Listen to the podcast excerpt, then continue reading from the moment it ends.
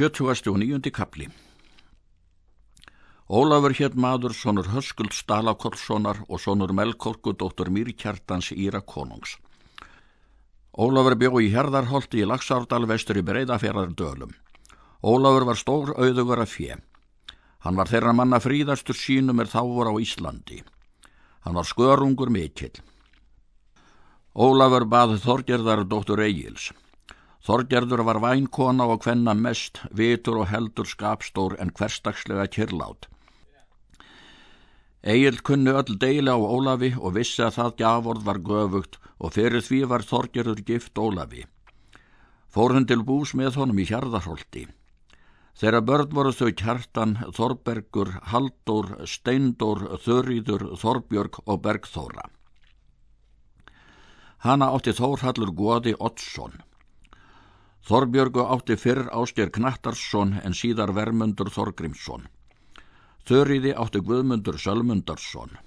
Voru þeirra sinir Hallur og Vígabardi. Össur Eyvindarsson, bróðir Þóróts í Ölfusi, fekk Beru, dóttur Egils. Böðvarssonur Egils var þá frömvaksti. Hann var hinn efnilegasti maður fríður sínum, mikill og sterkur, svo sem verið hafi Egil eða Þórólfur á hans aldri. Egil unni honum mikið. Var böðvar og elskur að honum. Það var eitt sömar að skip var í kvítá og var þar mikil kaupstefna. Haði Egil þar keft við margan og let fletja heim á skipi. Fóru húskarlar og höfðu skip áttært er Egil átti. Það var þá eitt sinna böðvar betist að fara með þeim og þeir veittu honum það fór hann þá inn á völlu með húskörlum. Þeir voru sex saman á áttari skipi. Og er þeir skildu útfara þá var flæðurinn síðdags og er þeir örðu hennar að býða þá fóru þeir um kveldið síð. Þá hljópa útsinningur steinóði en þar gekk í móti útfall ströymur. Gerði þá stort á fyrðunum sem þar kann oft verða. Laug þar svo að skipið kafði undir þeim og týndust þeir allir en eftir um daginn skaut upp líkunum. Kom líkböðvar sinn í einarsnes en söm komi fyrir sunnan fjörðin og rakþangað skipið. Fannst það inn við reykjar hamar. Þann dag spurði Egil þessi tíðindi og þegar reið hann að leita líkana. Hann fann rétt lík böðvars. Tók hann þetta upp og setti á knésjir og reið með út í digranes til högs skallagrims. Hann let þá opna haugin og lagði böðvar þar niður hjá skallagrími. Síðan var aftur lokin haugurinn og var eigi fyrr lokið en um dagsetur skeið. Eftir það reið Egil heim til borgar og er hann kom heim þá gekk hann þegar til lokrekju þerrar er hann var vanur að sofa í. Hann lagðist niður og skaut fyrir loku. Engið þorði að krefja hann máls. En svo er sagt þá er þeir settu böðvar niður að Egil var búinn. Hósan var strengt fastað beini, hann hafi fyrstans kyrtil rauðan, þröngvan upplutin og lásað síðu. En það er sögn manna að hann þrúknaði svo að kyrtillin ripnaði af honum og svo hósurnar. En eftir um daginn let Egil ekki upp logrekkjunni. Hann hafði þá og engan matin í að drikk. Láðan þar þann dag og nóttina eftir. Engi maður þorði að mæla við hann. En henn þriðja morgun þegar listi þá lét ástjörðu skjóta hesti undir mann, reið sá sem ákaflegast lestur í hjarðarholt og lét segja þorgerði þessi tíðindi öll saman og var það um nónskeið er hann kom þar. Hann sagði og það með að ástjörður hefði sendt henni orð að koma sem fyrst söður til borgar. Þorgerður létt þegar söðla sér hest og fylgdu henni tveir menn. Riðist þau um kveldið og nóttina til þess er þú komið til borgar gekk Þorgerður þegarinn í eldhús. Ástgerður helsaði henni og spurði hvort þau hefði náttverð etið. Þorgerður segir hátt. Engan hef ég náttverð haft og engan mun ég fyrr en að freyju. Kann ég mér eigi betri ráðin fadur minn. Vil ég ekki lifa eftir föður minn og bróður. Hún gekk að lokkvílunni og kallaði. Fadir, lúk upp hurðinni, veleg að við förum eina leið bæði. Egil spretti frá lokunni, gekk þorgerður upp í kvíligólfið og let lokuð fyrir hurðina. Lagðist hún niður í aðra rekju er þar var. Þá mælti Egil. Vel gerðir þú dóttir ef þú vilt fylgja föður þínum. Mikla ást hefur þú sínt við mig. Hver von er að eigmenni lifa vilja við þennan harm.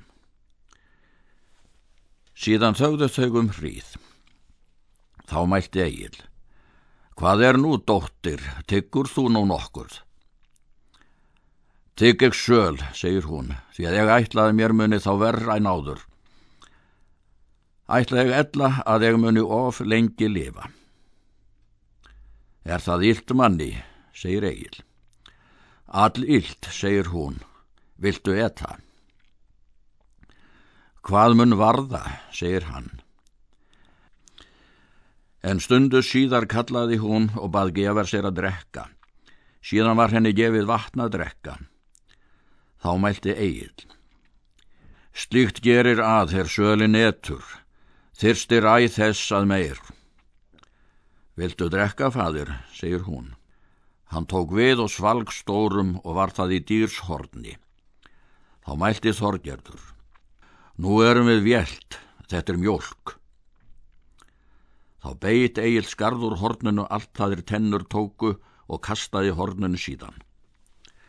Þá mælti Þorgerður. Hvað skulum við nú til ráðst taka? Lokið er nú þessi ætlan. Nú vildi ég, fadir, að við lengdum líf okkar svo þú mættir yrkja erfi kvæði eftir böðvar en egmun rista á kepli en síðan degjum við ef okkur sínist. Seint ætla ég Þorstein svon þinn yrkja kvæðið eftir böðvar, en það hlýðir eigi að hann sé eigi erður, því að eigi ætla ég okkur setja að drikkjunni þerri að hann er erður. Egil segir að það var þá óvænt að hann myndi þá yrkja meiga þótt hann leitaði við, en freista má ekki þess, segir hann. Egil hafði þá átt svon er gunnar hétt og hafiði sá og andast litlu áður, og er þetta upphag kvæðis. Mjög erum trekt tungu að hræra eða loptvættul óðpundara, eða nú vænlegt og viðurs þýfi nýja hóðurækt og högar fylsni. Esa auðþeistur svít eka veldur höfligra og hyggjustad, fagna fundruð friggja niðja ár borin og rjötun heimum. Lasta laus essi lipnaði á nökku vers nökkva brægi, Jötuns hals undri þjóta náins niður fyrir nausta dyrum. Því dætt mín á enda stendur ræbarnir sem hlinir marka, þessa karskur maður sá sem kögla ber frænda rörs af fletjum niður. Þó möngum mitt og móður rör föður falla fyrst og telja, það berku út og horð hofi maðrar timbr máli löfgat. Grimt vörum hlið þess hrönn of braut, föður míns á frendgardi, veit gófullt og opitt standa sonar skarð es mér sær of vann. Mjög hefur rán risk um mig, emg of snöyður að ástvinnum, sleið marbönd minnar ættar snaran þátt af sjálfum mér.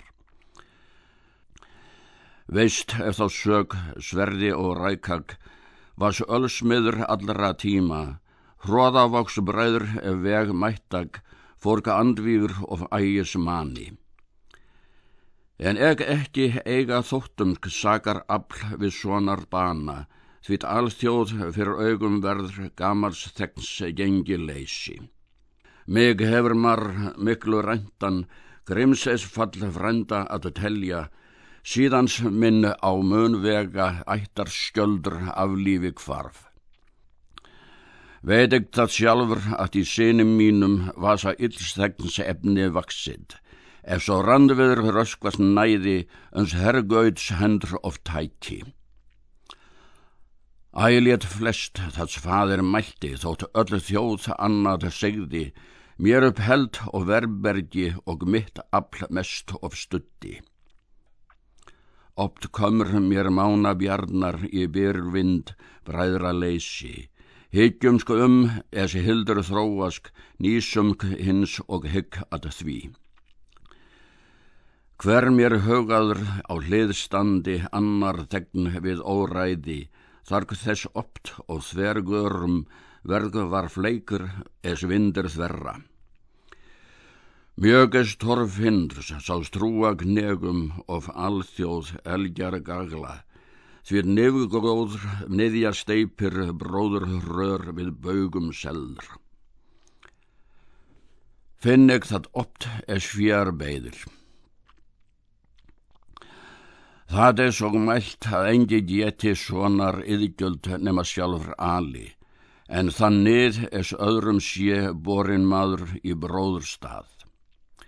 Erum hvað þekkt þjóða sinni þótt sér hver sátt of haldi, bur es bil eiks í bækomin kvánar sonr kynnis leita.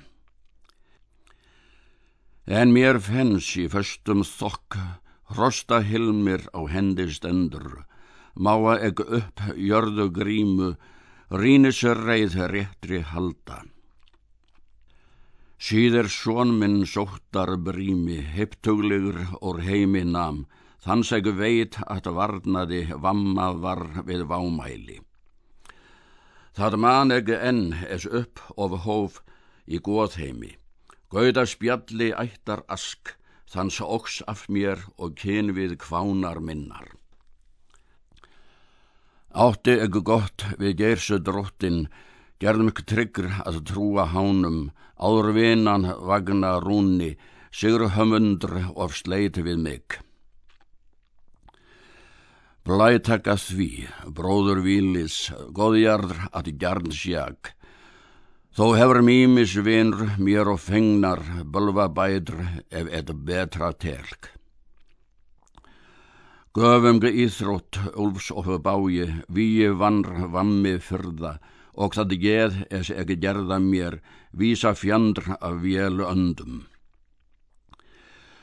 Nú erum torveld, tveggja bága, nörfa nipt á nesi stendur, skallt á gladur með góðan vilja og óryggur heljar býða. Egil tók að hressast svo sem framleið að yrkja kvæðið og er lokið var kvæðinu þá færði hann það áskerði og þorgerði og hjónum sínum.